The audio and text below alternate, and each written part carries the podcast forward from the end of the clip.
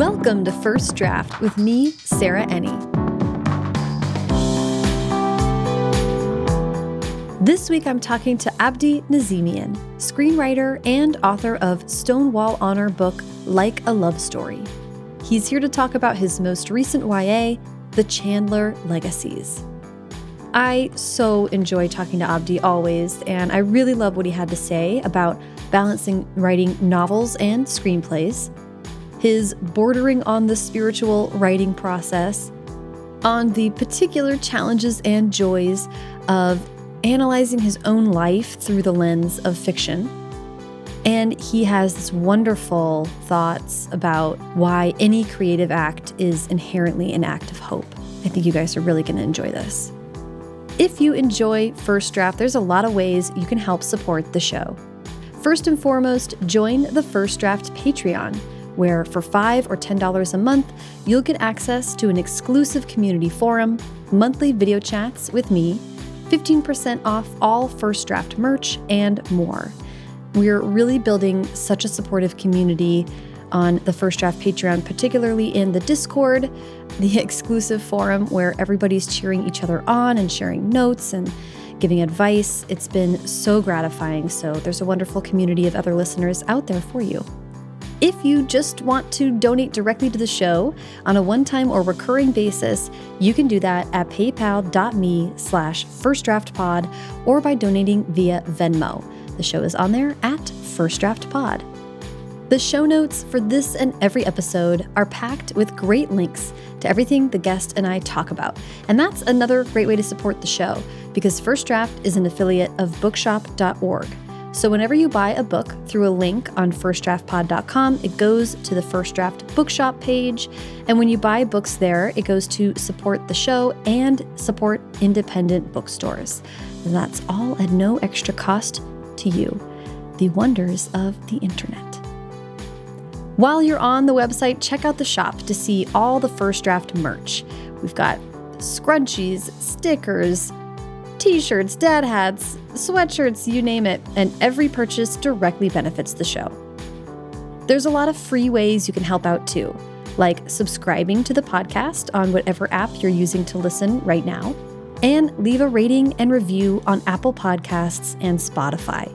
I get to read the Apple Podcast reviews in the credits, which is so fun. So take a couple minutes and leave one of those today. And sign up for the First Draft newsletter to be sure you never miss an episode and hear about news and upcoming events.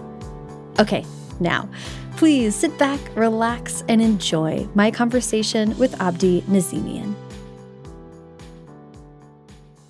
Hi, Abdi. How are you doing today? Hi, I'm great. How are you? Oh, I'm doing well. I'm so excited to see you and chat with you and talk about your new book. I'm so excited too. Yay! Our um, second on the record show. Our second. And yes, no, thank you for because I'm going to let the listeners know that we have already talked before and I'm going to include a link to your first episode in the show notes for this one. So everybody should just definitely go check that one out. That's where we talk about your growing up and how you came to writing and all that great stuff. Uh, we're going to come back to a little bit of your growing up because of the nature of this conversation and your sure. the your book. But for this episode, I really want to start where we left off last time. Last time we were talking about like a love story, and that came out and got a really kind of wonderful, warm reception, including being a Stonewall Honor book. Yes, it did. It's yeah. kind, I, I guess the last time we spoke was before the release of Like a Love Story, right? Yes which is really wild. Yeah, because I had written two books before, like a love story, and neither of them really broke through or I, mm-hmm. I, don't mm-hmm. know. I guess my first book, which was an adult novel, won the Lambda Literary Award for Best Debut, which was lovely, mm-hmm. but I don't necessarily feel that many people read it um, that translated into readership. And then my first young adult novel, The Authentics, which I love, um, didn't really have that much of a readership. I mean, obviously some people did, but again, yeah. So like a love story's response honestly was a huge shock to me because I always felt, and certainly with like a love story, I felt that I was writing relatively niche stories. Mm. Um, and maybe I felt that way because that's what the world has told me forever that like that these stories are very niche, you know, that who's going to want to read this ultra specific story about queer life in the late 1980s and about you know me being an Iranian immigrant coming mm-hmm. of age against the backdrop of the AIDS epidemic. I didn't, I never foresaw the kind of readership. And it's funny because there's a few people online and some articles that are like, these are the underhyped books you should know about. And often, like, a love story will be on them. And I'm like, I appreciate that you think it's underhyped, but it has exceeded my expectations. Like, right. I did not, I did not expect this. So, yeah, I'm thrilled. I mean, what comes to mind when you say that is the old yarn, right? That like um, the the more specific, the more universal.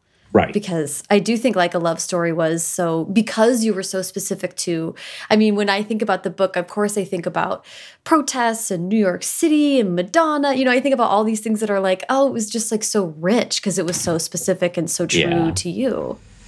Yeah, no that's true and I think I've certainly always believed that as far as the storytelling, you know, mantra that the more specific, the more universal. But then it's very easy as a writer, especially a writer who wants to reflect your own experience and your own communities, often, you know, feeling like you're always up against, you know, a brick wall of of rejection. It's mm-hmm. hard to not internalize that and feel like, you know, okay, you know, these aren't universal stories. Maybe my experiences aren't universal. You know, mm-hmm. maybe they're just meant for a small subset of people and that's okay but yeah i mean look like a love story it's it's been i get beyond the stonewall honor which obviously was an honor um, mm. and i'm thrilled about it the thing that means the most to me is it's i get so many messages from people all over the world like I mean, the response in Brazil has been the wildest thing, to be honest. Wow. It, it's, it's like a it's a big hit in Brazil. That's awesome. And I just get the most beautiful notes from i mean now they're dms um, mm-hmm. so it doesn't feel quite as like romantic as as a letter but I, I get the most emotional notes from people who identify with it or who feel seen by it and it's very it's been a very special experience. Yeah that's so great. Do you feel like it's grown over time or was it kind of all at once I definitely think the most fascinating thing about like a love story is that it didn't come out of the gate. I don't think I was a known entity as an author when it came out. So I don't think it like got published and immediately um, found a huge readership. It definitely was something that feels very steady in a mm. strange way. Like I almost feel like I see just as much stuff about the book out there now, two years after its release, than I did in the first few months. And I think a lot of that is it's obviously it's things like the Stonewall Honor and things like you know now I'm going to sound like a total egomaniac but one of the things I was most excited by was when it was um it was chosen by Time magazine as one of the 100 best YA novels of all time and that list had books like To Kill a Mockingbird on it and you know I mean it went back. I think it had The Diary of Anne Frank. I mean I was looking at the list and I'm like how? How am I on this list? And that I mean, in a weird way, that meant a lot because, like, to my immigrant family, like, you know, Stonewall Honor means nothing because they don't know right. it, but Time Magazine is like yes. the thing they've been reading. So that was like a moment where I could really say, look, like, yeah. this book means something. But, um, no, what was I even saying?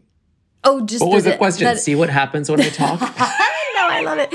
No, I think it's so great to hear that you had, you know, because um, I I don't know. I don't often ask questions about this, but I do think it is good to talk about like well, how gratifying to have something be like a steady, you know, heartbeat over time as opposed to one big explosion of interest and then it kind of fades right. or something that kind of builds oh, over right. time. Yes, your question was about like the interest. Yeah, to, I mean, it feels steady to me. I don't look at I, I, mean you know how it works as authors like you get those sales documents and it's very hard to make sense of them um, yeah. so i don't necessarily know exactly but um what I do know is that the word of mouth that I see because I'm tagged so often. So mm-hmm. like I I try very hard to respond to everybody on Instagram and it's mostly on Instagram, but some on Twitter. But like I to me it feels steady. Like the the readership and and again it's a total surprise to me. But I do think one nice thing for any authors or aspiring writers out there is to just underline the fact that like my first two books didn't breakthrough in that way. It takes time, and oftentimes you don't know which book or which pro whatever kind of art you make whether it's movies or mm-hmm. music or whatever you just can't control the reception like right. you can't you have no control over whether something is going to resonate with people or the timing is going to be right or yeah. you know all the variables that go into something finding its audience so i just think my attitude is like you write something, you move on to the next thing, you write the thing, and then you're in that awkward position of like by the time a book comes out, like now I'm here to talk to you about my new book and I'm already working on the next one. So it's mm-hmm. everything feels a bit in the rearview mirror. And I tend to be one of those people who really lets go and just allows the reception to to be to, what it is. To be and yeah. and accept accept it. And it's it's just a lovely surprise when it goes well. But you can't Yeah. I mean, I think that's really wise, and I actually, I, I, I'm interested in how that plays into your experience uh, you know, you just mentioned talking about being in a lot of different mediums and you worked for many years as a producer um, yes. and you've been an author for many years now and then you were i think post like a love story or you had already been writing for tv but i know you've been hard at work yeah. for that recently i have loved writing for tv i mean i, I started out writing film which film mm -hmm. was my first love really and i know you love it too so we share that. So we i'm a big cinephile. Film was you know the thing i grew up loving loving that i thought maybe i could do. I also love music but i can't do that sadly. Um, no talent. But um so for like 10 years i wrote movies and then you know through a series of events including the writers strike and mm-hmm. the recession and the internet and streaming giants and all of that the film industry really changed and the kind of the way that I made my living, which was mostly writing movies for studios, you know, they would pay me to write something. Um, that kind of went away. And the kinds of movies I wrote went away. They really don't, studios don't make the kind of, you know, dramas or dramedies or character driven movies I used to write for them. Um, but in a strange way, I mean, it was hard. In a strange way, it was a blessing because a lot of those movies didn't get made anyway. So I, mm-hmm. I made my living writing stuff that just sat on a shelf for the most part. Right. And it forced me to think about what I wanted to do next. And so that's when I started writing books, you know, also out of a desire to tell more personal stories, which I could never get made in film and TV. Um, it was very, very hard. And then got lucky enough to get my first TV staffing job, which is something I really wanted to do because all the kind of storytelling I did was going to TV. And that's where all the kind of character driven stuff was being done. And and I'm also, I mean, I'm writing a scripted podcast right now. Um, and I'm writing, well, I mean, I've been, it's kind of on hold, but I was working on a stage musical. Like, I'm very much somebody who loves different mediums and loves, like, I don't know. I do. I feel like every writer is different. I know writers who like do one thing really well and they always nail it, and I'm like, how do they do that? Because for me, I feel like the thing that keeps the experience fresh is trying to do something different or change it up. And so I love kind of jumping mediums because it forces me to to be challenged and to be excited by the process. Yeah. The other thing I want to ask you, like, so I've been working. Um, I think when we when we met, uh, you were kind enough to meet to give me the copy of this book to read in advance, and we talked about stuff we were doing. And I forget if I told you that I was working on um, this new podcast series, a nonfiction podcast series, but I'm writing scripts for it or editing scripts for it. Right. And it's been like just so lovely to be in a collaborative environment again. And that has also been what's on my mind about your experience writing in rooms. And it's tough to get notes, it's tough to have to change things and leave your kind of, you know, maybe more sparkly personal ideas aside in, in pursuit of a bigger thing. But it's so been so gratifying. So I'd love to hear yeah. about like what that experience has been like for you.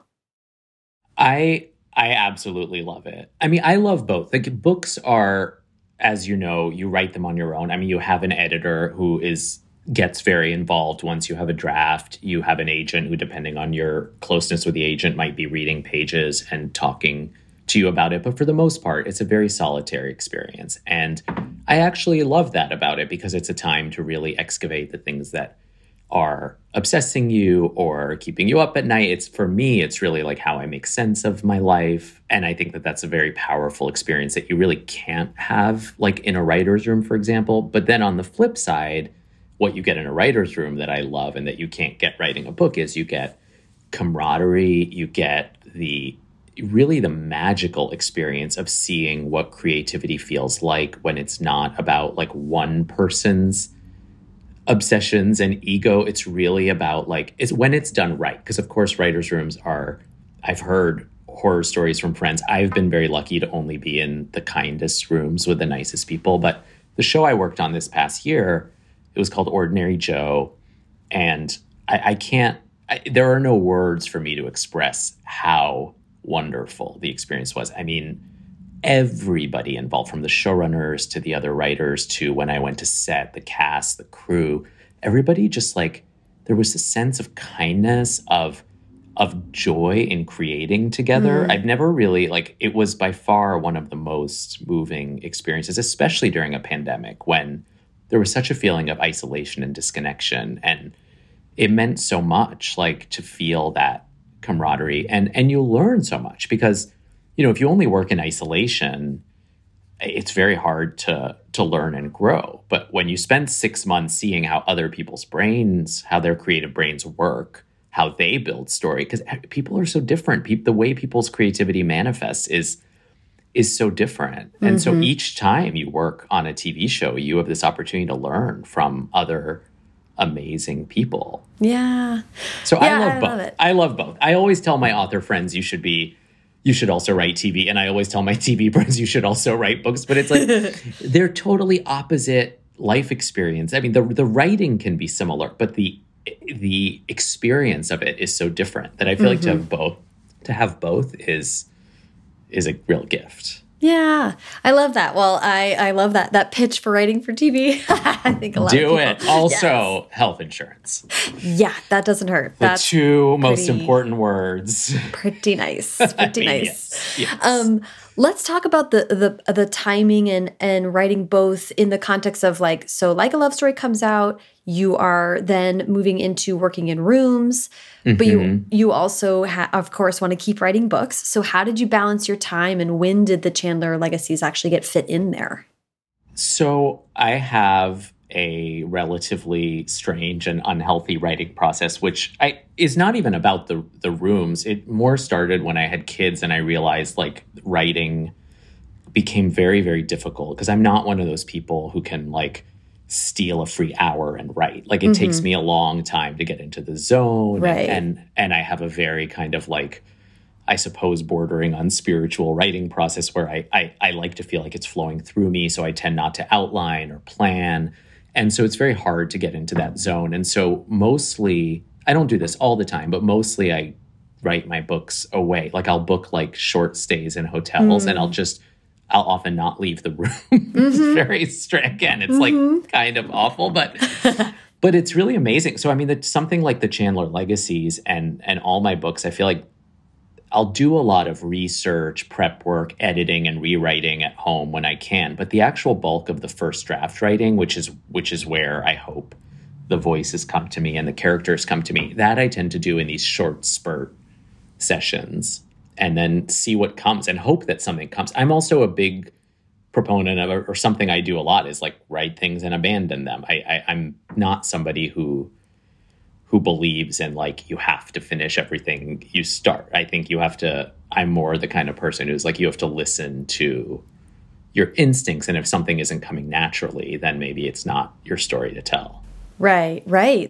Okay, before I ask more specifics about the Chandler legacies, do you mind? Uh, let's go ahead and have you pitch the book for us so we can talk about it more specifically.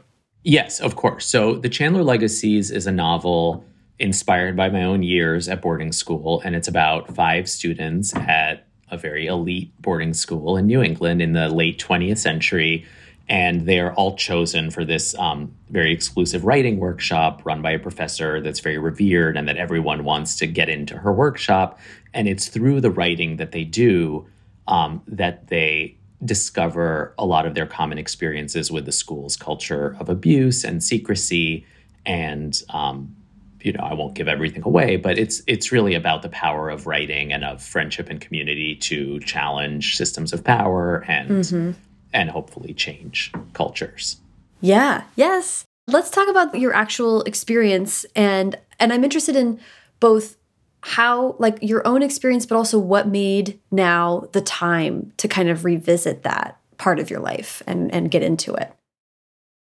That's interesting. I mean in terms of why now, I mean in part it's because I I was going to write another novel. I mean, especially after like a love story, I, I wanted to work with my editor again. Um, I have the best editor. I absolutely love her and I trust her. And we had always talked about boarding school as a setting for a novel I would write because she knew I went to boarding school. She knew it was a very, you know, important experience in my coming of age. But I didn't know, you know, in the beginning, I was thinking of like, is this going to be more of a thriller or a genre thing? Like, I was kind of going into it thinking I would write that kind of boarding school novel. Oh, interesting. Yeah. I didn't know it would be this grounded and this rooted in in my own experience. And the truth is is that I you know, my boarding school years, I started out having truly the worst experience probably I've ever had. You know, I, I arrived there, I didn't want to be there. Um, my parents wanted me to be there. I know it's a very privileged place to be, but it's also a horrible place to be when you don't fit in. Hmm. And when there's the level of bullying and hazing there was, and it really was a shocking level of hazing and abuse. And oftentimes, I mean, I have vivid memories of like horrible, horrible hazing happening and teachers being there and not even mm. doing anything. It was just part of the culture. Mm-hmm. And you know the institution is so powerful the school is so powerful that it dwarfs the individuals. And i mm-hmm. think it's mm-hmm. important for people to understand and this is why i kept the book in the in the late 20th century is that this was pre technology it was pre social media. We didn't have tel we weren't allowed to have televisions. We had one phone per dorm so you could barely ever use it. There was usually a line for it. Right. You had to get permission to leave campus. You really lived in this hermetically sealed environment and you felt very powerless against the environment. So, you know, I went through some some hellish situations there and then I suppose like the journey that I hope I make sense of in this book is that through my 4 years there I also met the people who remain my best friends truly mm-hmm. like my the friends that I consider family so many of them are from boarding school I met the first mentor who I think treated me like a creative person and a writer. I came out to the for the first time to a teacher, to an English teacher, of course. I started to do theater and the arts, and these were all things that were not really um, they weren't really appreciated in my home or culture. You know, in, in Iranian culture, it was very much a like you go into business, law, mm-hmm. you know, medicine mm-hmm. type thing. The arts were not appreciated. Being gay was not an option, let alone something that was ever spoken of. So I think when I went into this book, what I was trying to wrestle with is like, how do I tell the story of this place that both, you know, allowed these horrible things to happen to both me and friends of mine, but then also gave us these incredible gifts. And that's such a hard thing to make sense of. Right. To me, that was like the big challenge, the biggest emotional challenge of the book. Because it would be easier, right? It would be easier to just write a book that was like, this place is awful, torture to the ground. Right. Or this place is magical, this is a wish fulfillment, you know, this is like a, you know, with, which often you find with these stories of like privileged environments. It's all like wish fulfillment. But I was trying, I hope, to do something a little more true to, I think, the way many of us feel. Yeah, absolutely. And I mean, I think you definitely went there. Um, I want to talk about that specific point in the context of mentorship in the book because Ms. Douglas so there's a, I'm like, I'm going to try to describe all this without spoiling anything. I think we can do it. Uh, but there's a, a, a group or a society called the Circle within Chandler. Is it Chandler Academy? Is that right? Yes. Yes. You've probably you've read this. I don't read my own books after I. So you will know the book better than I do. Trust me. uh, at, at Chandler, there is a group called the Circle where students are chosen to be a part of it, and it's, it's a writing group. Basically, it's to encourage students with promise to explore their creative writing. And Ms. Douglas is the one who chooses them and who teaches them. And she's such an interesting character, and she grows, and we learn about her history. And I think she's like maybe the flashpoint that makes the most sense of what you're just saying, where she she is a pivotal person to these kids to help them create a safe space, explore their creativity and their own lives while feeling comfortable. And yet she also has her own baggage and her own role to play in the I don't know what you want to say, but you know, she upholds the institution and the world of of the private school that does allow for for people to be exploited and and mistreated. So it's right. I sort of saw her as the character that was doing like the she was suffering because she had to be a part she recognized that she was a part of something bad, but she was trying to do good, and that that's so challenging. Yeah, I mean, look, I hope I am one of those authors who goes and reads a lot of what people say about my books. So I already know that there are conflicting opinions about this um, character and the story.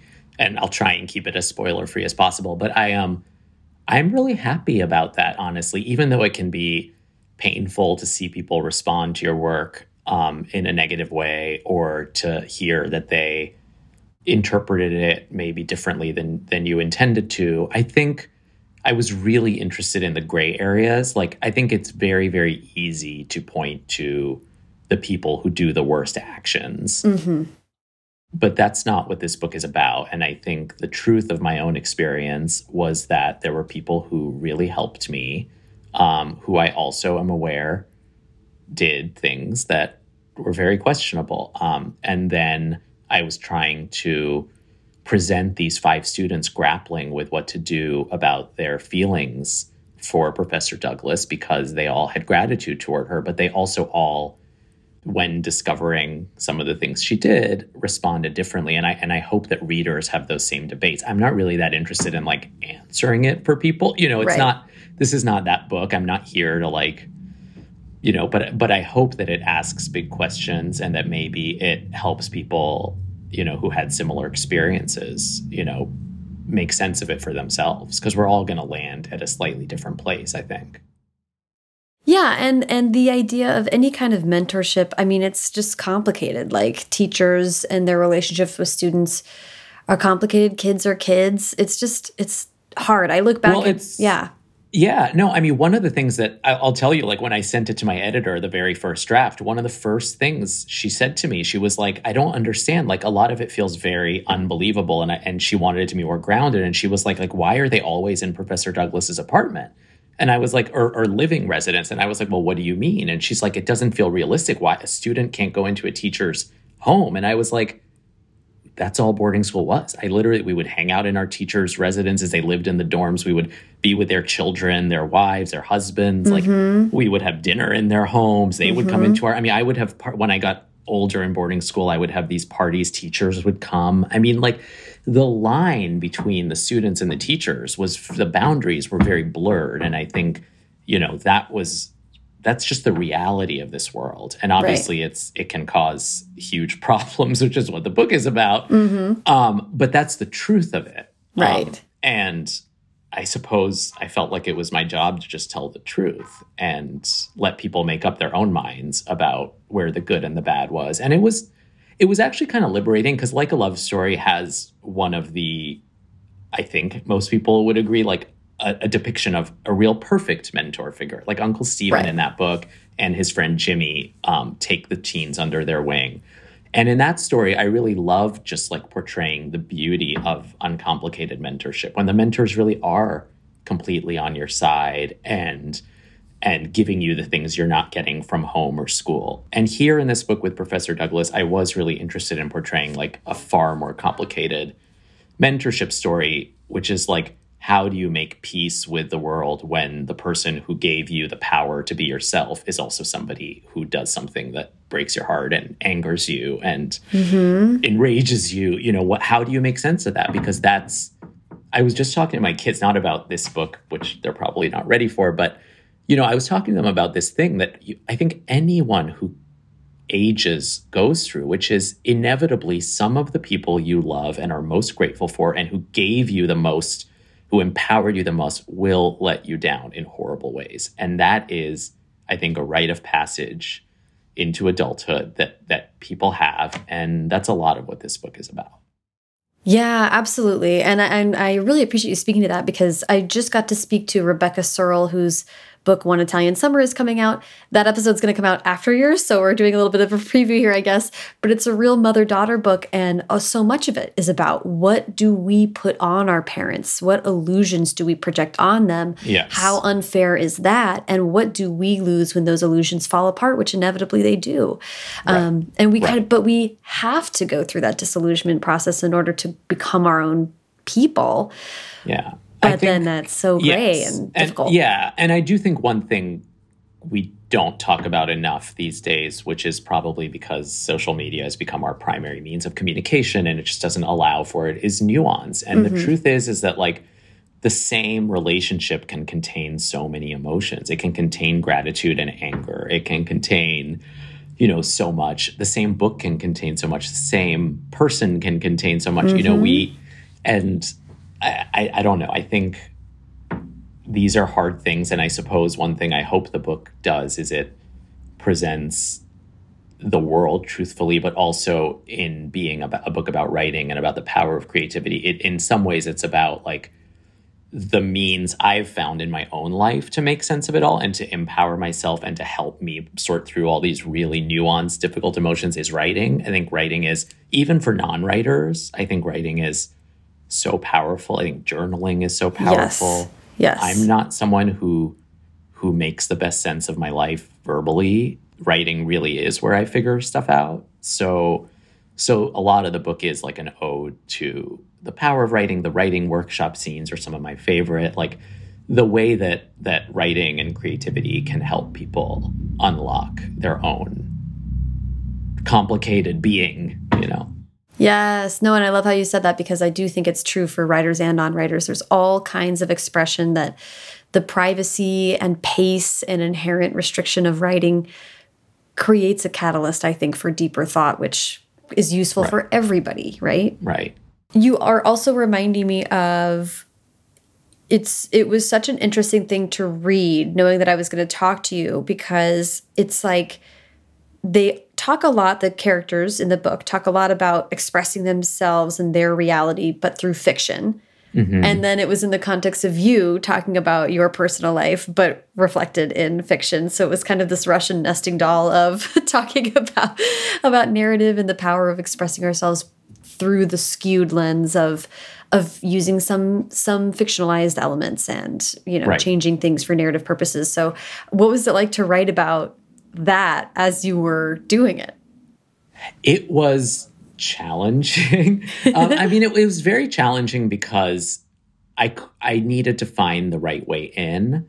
And one big thing, I mean, this is a book about writing, and your whole podcast is about writing. So I think hopefully this will not be super boring for no. readers. But like, but the biggest revelation I had when writing this book was that it was not going to be first person because that's how it started. It started mm. as first person and as I'm sure you know, the vast majority of young adult novels are written in first person present tense. Mm-hmm. And I think that the reason for that is that there's like this immediacy to that. It puts you right in the heart of the characters, right in the in their soul. And I was beginning that way. And then I looked at it again and it didn't feel right to me. And I couldn't tell why. And then I restarted in third person and something clicked and it, it made me realize that in a book that's about writing and that's in some meta way about my own experience turning my life into fiction which is kind of what my books are like there needed to be some removal from the characters it didn't feel like a book about the writing process it, it needed to be slightly more emotionally removed so mm. that it almost felt like you were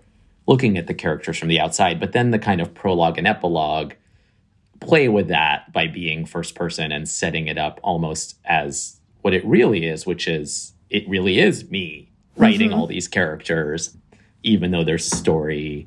And that's really what writing is. I mean, the author is creating all the characters, all the world, and often finding ways to kind of like transform their personal experiences into fiction. Yeah. Yes. Uh, I do. I love the uh, the prologue and the epilogue. Can you talk about discovering that? That, I mean, I have to give a lot of credit to my editor for that because that was like the hardest thing for me. There were so many versions of different prologues and epilogues. There was a draft of this book where, like, a lot a lot more of the book was about the mystery of who the narrator was mm-hmm. um, and that was like something that was peppered throughout but it we ultimately took that out because it felt it just didn't feel like what the book was. It felt like it was setting the reader up for something that the book really wasn't like a mystery or thriller in that way. So we kind of landed on this prologue and epilogue that are both simpler but also more personal and hopefully more thought provoking because a lot of the book, obviously, the book is about boarding school culture, this culture of abuse that I hope is I know it's not completely gone, so I shouldn't even say. I was going to say I hope it's gone, but I hope it continues to mm-hmm. be challenged, to be diminished. Um, but the book is also about writing and how how do we write responsibly? How do we write honestly? How do we get to that place? And I felt like what I was happy about with the prologue and epilogue is that it raises all these questions about, like, well, obviously, even though this is a book about these five students in a writing workshop, it was all written by this one person. And this right. one person is the author. And right. the author is represented in this character. And I hope it leads to other discussions about storytelling and who gets to tell what story and how do we do it the right way? Mm-hmm. Um, how do we honor creativity? Absolutely. Well, that it also what comes to mind too is when you are writing about traumatic experiences or or you know things that are really sort of difficult topics many of which you know come up in this book some treated more explicitly than others. But at the end you give the opportunity to sort of get a sense of where the characters are now. So that kind of just right. I think that kind of is useful in stories like that. It's like we are talking about the difficult experiences that they went through and then we also get this lens towards that didn't like define them or you know right. they are they continue to live like happy productive lives yeah which i think is really important because that's that's also the not entirely the truth of my experience because truthfully many people i went to high school with you know aren't with us anymore or didn't lead happy lives so i can't say the only reason is is boarding school. But i do think it's important it was important for me because for myself and the majority of my closest friends like we did come out of that you know with the strength of our friendships and we did grow to lead happy productive lives and i want you know, though this book and like a love story both are dealing with very dark subject matter, I think of them both as relatively hopeful stories in that they're about how these characters get through that darkness. And life is full of darkness. I mean, most of us will be touched by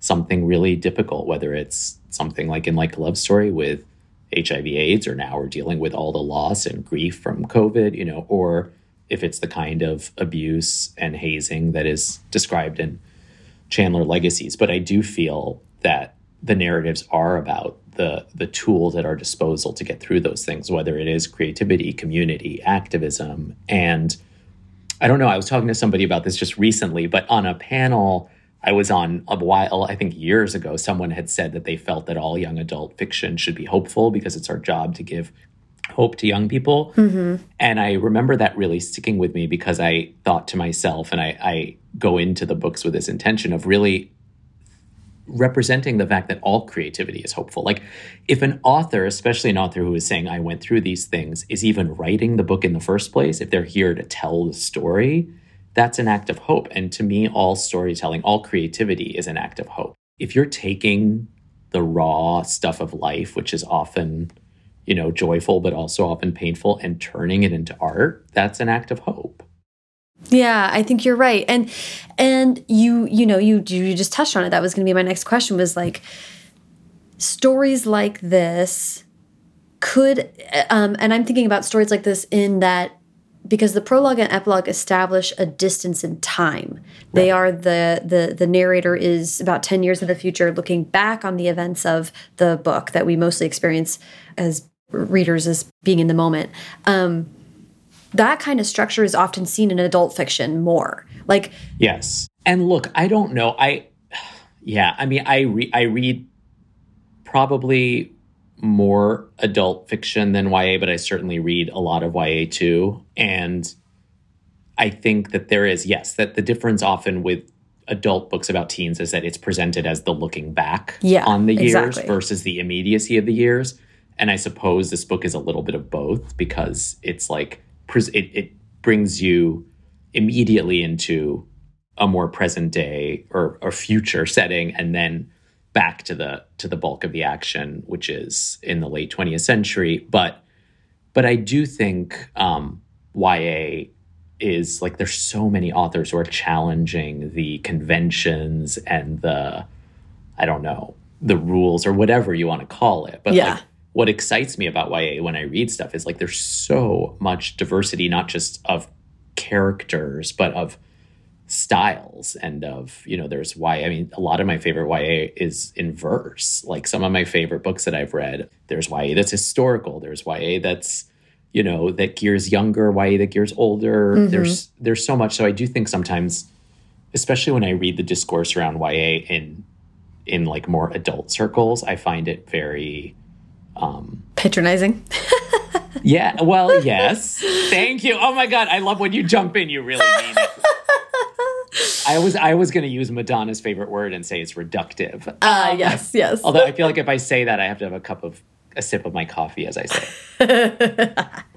the Madonna and Gaga fans will understand. Um, I I just find it a little reductive. Like I feel like it's often treated as if it's like so separate from other fiction, but it's really not. And like that's one of the things that was exciting to me about that Time magazine list is I feel like when we were young and reading like To Kill a Mockingbird or Catcher in the Rye or Diary of Anne Frank, we weren't thinking of it as like lesser literature just because it was for young people, you know, like and the truth is is that the biggest readership of YA are adults anyway. I know. So right? I don't I don't know why we have to put all these like silly parameter. I mean, it's the same way like today's Oscar nomination day, but it's the same way that like awards and film awards rarely go to comedies. You know, it's like right. comedies are somehow seen as like less substantial than dramas when comedy is so incredibly hard yeah. to do and get right. It's just yeah.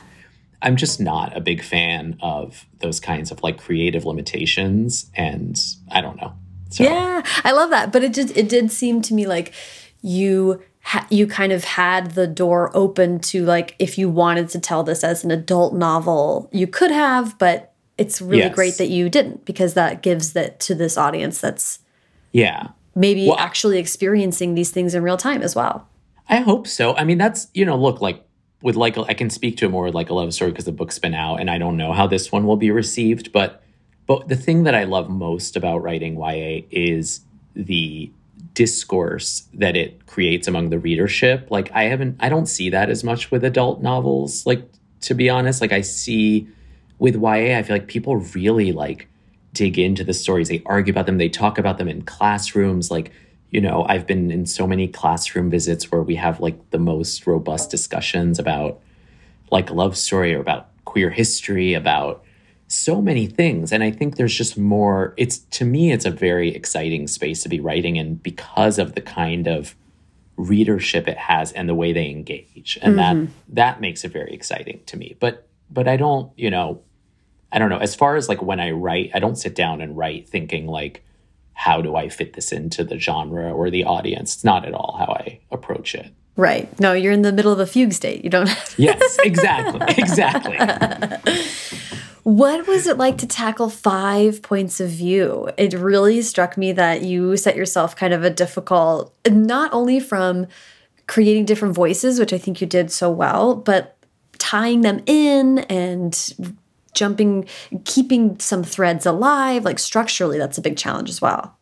I mean, it was a huge challenge. And I suppose, like, I did it because I felt like if I was going to tell the story, it was important that I show the different perspectives from which it can be experienced. Mm-hmm. Um, like, I thought it was really important to have characters who were obvious outsiders to the world of boarding school, and at least one that was an obvious insider to the world of boarding school so much of the book is about exploring the way that different privileges can shield us from different traumas that um, I felt like if I was going to explore that, I had to have characters at, who had different privileges. Right. Um, so I always knew that I was going to have to have different perspectives if I was going to tell this story kind of responsibly, for lack of a better word. Um, and I I, lo- I, don't know. I mean, it was very challenging. It was very hard to get right. It was structurally a beast, and I again, thanks to my editor for sticking with me because it was this was a hard one to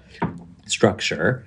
But I love writing many characters. I think I I don't know like characters are what's most fun to me. I love when they like kind of appear to you and start speaking through you and Mm-hmm. So the more, the better. I don't know. I, it was really fun. It makes me think about TV too, because TV yeah. doesn't have, you know, TV can't be in first person. TV is a little bit more inherently this third, yes. third person. You have to find your way. The audience has to, in some ways, get the perspective of every single character in order to really follow a show and get into it.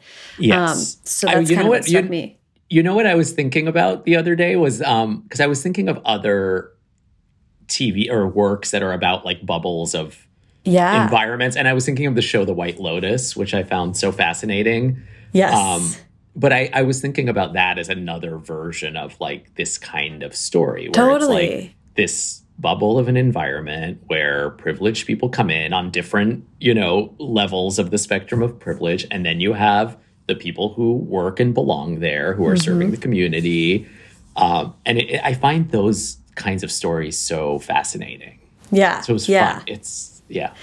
That's like what Downton Abbey. I mean, when you said, I know when you Downton Abbey. and when you say closed structure, I think immediately of like that's so much sci-fi, right? Like generation ships or oh, interesting. See, I'm not that much of a sci fi person. I wouldn't have thought about it that way, but you're You right. know? Yeah. Um, there's so there's a lot of different. Th- that's an inherent pressure situation, right? You are within one thing. You can't really Yes. leave, so you kind of have to all face each other and and deal with what comes up. So it's naturally pretty rich for narrative. That's for sure. Yes, for sure. I want to see an Ab- an Abdi book that's in, in a generation ship in space.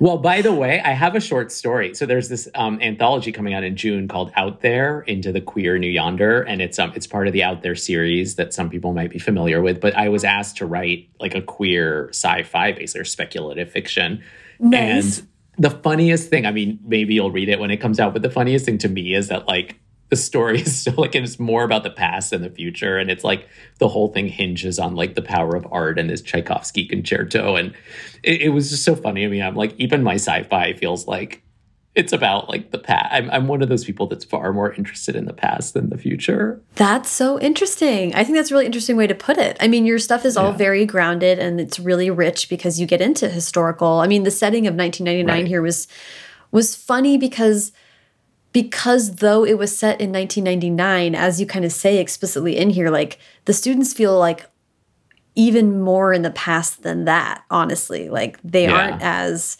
they're not watching MTV, you know, they're not like Well, but this is a well. First of all, we were in a we were in a non technological environment. So, like I said, you know, no T. I mean, there was a TV in the student activity center when I Right. went to to school. Um, but also, and I think this is something that movies often get wrong, and and TV or anything, but things that are period often get wrong. Is that like if you're setting something in 1999, for example, the truth is they weren't only ingesting media from 1999. Like when I went to boarding school in the 90s, everything was about classic rock. I mean, yes, we listened to like hip hop and we listened to Madonna and stuff, but like the predominant music of boarding school in the 90s was Simon and Garfunkel, Cat Stevens, Joni Mitchell, Bob Dylan. You know, it was so that funny. and and you see it now like you see that like we or or like if you're doing a movie and you're art directing like a house in the 80s is not 80s furniture. It's furniture left over from the 70s and the 60s and like and so i think that's something i really wanted to get right. And it's another thing i went through with my editor like when i wrote there was a party scene where they're all dancing to like ella fitzgerald and frank sinatra and she's like who are these kids? And i'm like they're me and my friends because that's what we dance to. Yeah, it was always Ella Fitzgerald. I saw Ella Fitzgerald in concert when I was in boarding school, not with my parents, alone with a boarding school friend. That's how much we loved her. Amazing. We went to New York City to see Ella Fitzgerald. So we were not, you know, we weren't living only in the 90s. We were living in the 90s and responding to all those generations before us. Totally. And you and I write about similar types of kids too, because my one book that's published and one book that's on sub right now are both about young girls who are artists who are trying to sort of come to grips with what it means to be an artist and what do they want to explore in their art and how does it how do you get to be brave enough to share it and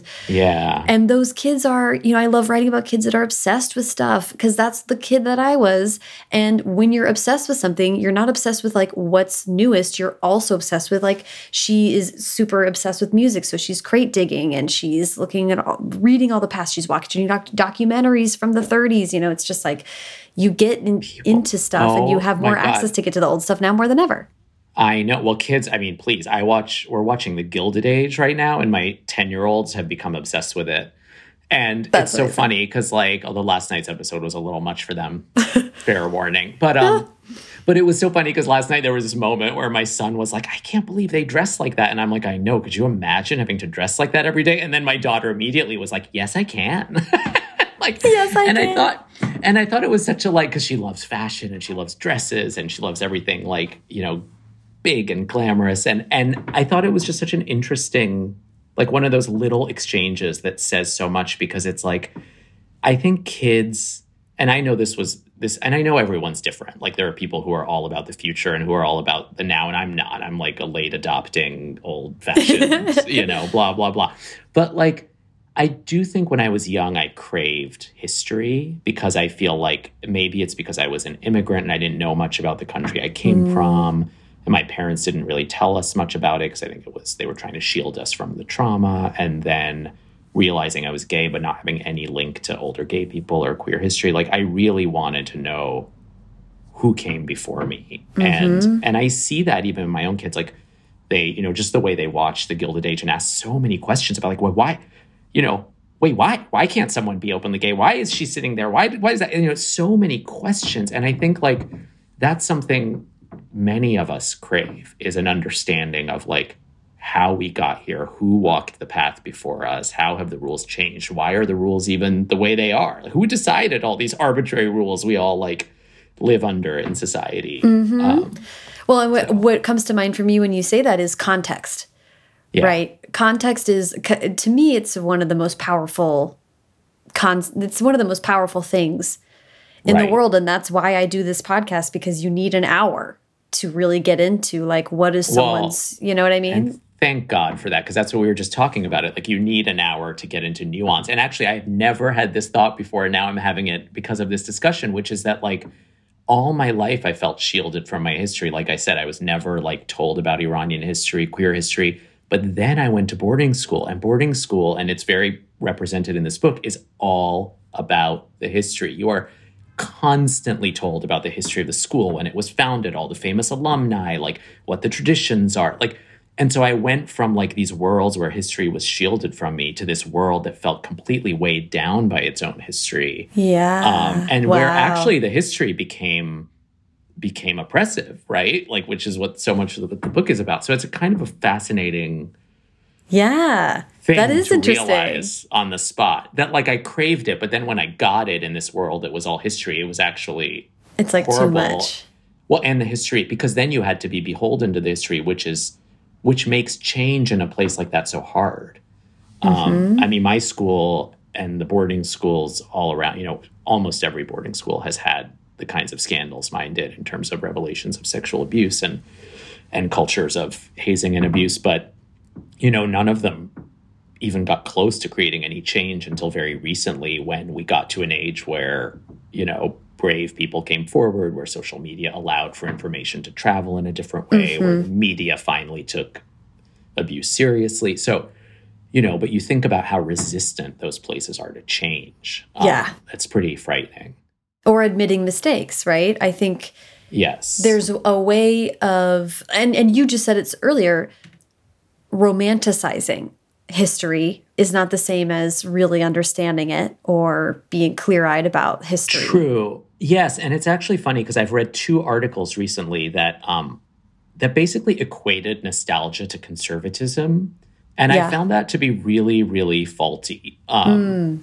And I thought that that was like as somebody who is extremely nostalgic and who grew up like even when I was like 10 I was nostalgic for like the 30s like I was always more interested in the past even when I was young this is just embedded in my being it's not like but I don't I'm certainly not a conservative person and if I romanticize certain elements of the past it's not because I want the past wholesale the way it was mm-hmm. but it maybe it's because I crave a place in history maybe it's because I you know, there's so many more complicated, complicating factors mm-hmm, um, mm-hmm. to history and to nostalgia and to maybe like obsession with other eras that often you weren't even alive in. But I don't think that they're automatically a sign of like conservatism. No, and I also think I mean that's a really interesting conversation that could be a whole other hour. Uh, but uh, yes. the the difference between nostalgia and what we mean by that versus you know what I I get a sense from you is that you're just very curious and context yeah. is a way of thinking about that. I mean there's there's but I, I think you're right that is faulty to say. But when I think of conservative nostalgia, it's nostalgia for something that never really happened, right? Like this concept of whatever hazy past that was never really that. So anyway, like right. I said, that's a whole other conversation. But no, it is. And and by the way, it's like I this novel, you know, to get back to the book, this novel yeah. is in no way I think, a glorification of what boarding school was like. It definitely pulls no punches in terms of describing the horrors of it. But there are other aspects of that experience. Like, I mean, as I live in the current and raise kids in this current climate of like constant technology and constant mm-hmm. um, distraction, you know, mm-hmm. to think back to a time where, you know, me and my friends like lived on this campus and couldn't leave and didn't have communication with the outside world, nor did we care um, really. And like we were just growing together, the level of focus we had on each other, you know, it's, I, I'm not it's nostalgia is such a hard thing because it's like I don't want to go back to the horrible parts of it, but then there were other parts of it that I really do think, you know, had their had their pros and I I don't know. It's it's very hard. Again, it's like this book is trying to make sense of conflicting emotions, and I think that's what life is. Like I'm constantly, I'm constantly struggling with my own place in the world in terms of like seeing all the progress that's been made for people and how much I actually have a great deal of optimism toward the world when I see how far we've come from when I was young. But then I see different parts of the world, you know, misinformation and mm-hmm. you know mm-hmm. this rise of big tech and what it means for our personal interactions, our interaction with truth, with so many things, and I and I and I feel fear. So it's there's always going to be conflicting takes on the same thing. Yeah. Yes, I, I agree, and that's the, that's why we write books, right? You got to get really into it. And, and, well, I think so, and this is why it gets. I mean, I don't, I don't know what the statistics are on readership of books, but many people I know, I feel like have just stopped reading, and I just really? think books. Yeah, I don't know, but I, I just feel like if you're going to talk about the world, it takes time to dig into something. You just can't like. I don't know. And I also, and I really, really believe this because I like, I just, I don't read a lot of nonfiction, but I just did read one. And like, I, I think the reason I love fiction, both as a writer and as a reader, is because I feel like we get too caught up a lot of times in like what what we can see, what really happened, what's literal, and arguing about it. But like what we can't face often is how something felt, how something was experienced, and like I don't know. And especially for me, I'm actually reading this book by Bell Hooks right now about patriarchy and the way that patriarchy affects men, which I thought was just as a premise so interesting because mm-hmm. we often talk about it as far as how it affects women, but this is really about how patriarchy teaches men not to feel and thus deprives them of the kind of connection they actually crave. Yes. Um, and that often ends up coming out as like anger or rage or, you know, other patriarchal emotions. And that was so the case for me growing up as a man in a Middle Eastern family. And I feel like so much of what my book are is trying to reclaim like mm. an emotional center versus like, you know, the centering of just like the facts or how something looks. It's like all about what's underneath and and how something felt. And so I hope that more people engage with fiction because I think that's it's a purely emotional world. And that's, I think, what we are lacking a little bit. I love that. That's a really good sell for reading books, Abdi. I like that. That was really read well done. Read my book and read all books. yes. Oh, that's really um and I could literally talk to you all day as you know. We will have to meet and talk again and talk more about these Oscar nominations because I don't we this is not the I not mean, the forum for it, but I, I have thoughts. There, there were some there were some big surprises. Was there anything else with the Chandler legacies that you want to make sure we get to or touch on? Um, you know, this is not. I mean, this is just something that I've talked about a little bit as I've been talking more about the book. Is that some some people have mentioned to me like that they're really um, kind of were creatively stimulated by the writing scenes, and I just to anyone out there who's like a reader. I think it would be so fun if readers who wanted to write actually tried the writing prompts and exercises that are described in the writing scenes. And if you do, let me know how it goes. Like I'm so constantly engaged with the the work that goes into writing and I'm so mm. fascinated by other people's processes. And so, you know, if you engage with the writing scenes in this book in that way and you try them yourself, let me know how it goes. Um, yeah. I think that would be so fun. It's almost like, you know, to use the book not just as a novel, but as a as a writing Yes. yeah as a, as a jumping off point there's a lot of like like i was like oh i have i have a whole bunch of note cards in my in my desk i can i can do this that's right um well i like to wrap up with advice i mean really quickly though i would love to hear about what else you have coming up or what you're working on now so I worked primarily last year. I think we talked about. I worked on Ordinary Joe, um, which people should stream on Hulu yes. or Peacock. Um,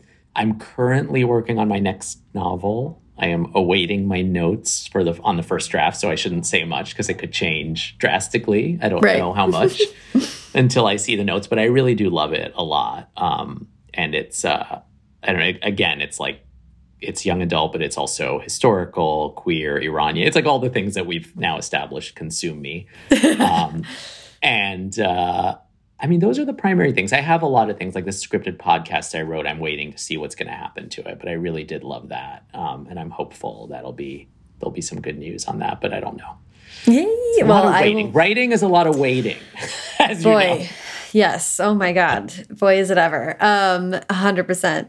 Uh, uh, well, you know, when I get the chance to talk to someone, to kind of follow up with someone, I really like asking about advice that might be maybe new, you know, like since we last spoke, has there been something that has really influenced you or, or struck you in a, in a special way about writing process? God. I mean, my writing process hasn't changed all that much in the last decade, I would say. Um, I do think I've heard more and more people talk about the kind of process that I have. Like, I, I recently read this book called Deep Work that was mm, mm-hmm. recommended by another writer. And as I was reading it, and I really loved it, but it, I felt like, oh, this is exactly my philosophy on life, which is that I do believe it is getting increasingly hard to have the kind of focus it takes to write a novel. It's a very, as I'm sure you know, it's like an intense emotional physical I, I, for me writing feels physical like i feel exhausted the way i imagine someone feels if they like you know ran a marathon or something when mm-hmm. i do mm-hmm. it but i think to to go to that deep place is very hard and i don't think at least in my observation that you can write a novel in the kind of short spurt um, attention that life is structured with these days mm-hmm. um, so I do think what I'm happy about is seeing more people talking about how do you create the conditions for deep work, how do you create the the time for yourself. I think it's important for creative people to have these discussions because oftentimes it requires the understanding of our partners, our families. Like people have to really nobody nobody really knows what goes into the creative process. I feel like for, for most people it's a total mystery. They they just yeah. think it's like you know, I feel like so many times people in my life or family members will be like, why haven't you written another book or where's your i'm like because it's not just that it's not something you snap your fingers and do there's yeah. so much that goes into it so i think just having making that discussion more prevalent and mainstream because mm-hmm. because i do think creativity requires deep focus deep time personal excavation and so we need to make sure that as the world becomes a faster and faster place, we we do what we need every once in a while to slow it down for our process.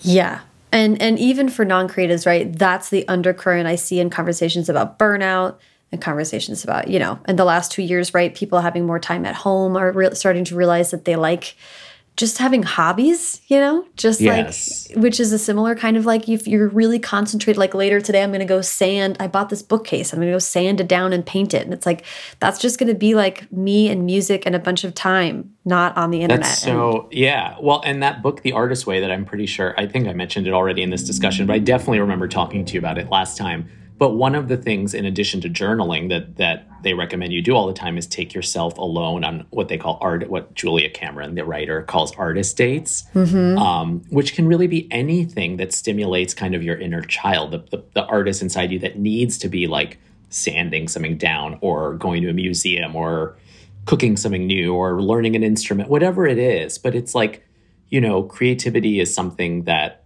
isn't it does it doesn't all come down to like practicing the thing. Like right. writing isn't all about writing all the time. It's also about creating the conditions for you to be like a free person who has who allow who who can be like a vessel for the flow of creativity, who isn't always trying to be in control, which is I think what we're all encouraged to be these days is in constant control. And I think it's very much a, an exercise in learning how to cede control mm. to your characters, to your voice, to the piece of you inside that's subconscious that needs to come out. Mm-hmm. And how do you how do you create the conditions for that to happen is something that fascinates me. Yeah. Oh, Abdi, what a fun conversation. This it. was so fun. Thank you so, so much for giving me all this, uh, being you. so generous with your time today. I appreciate it. Oh my God, thank you. Thank you so much to Abdi. Follow him on Twitter and Instagram at ABDaddy, and follow me on both at Sarah Enni and the show at First Draft Pod. First Draft is produced by me, Sarah Enni. Today's episode was produced and sound designed by Callie Wright. The theme music is by Dan Bailey, and the logo was designed by Colin Keith. Thanks to social media director Jennifer Nkosi and transcriptionist at large Julie Anderson. And as ever, thanks to you, Joni Mitchell, for listening. That's just manifesting. Joni Mitchell, please listen to this podcast.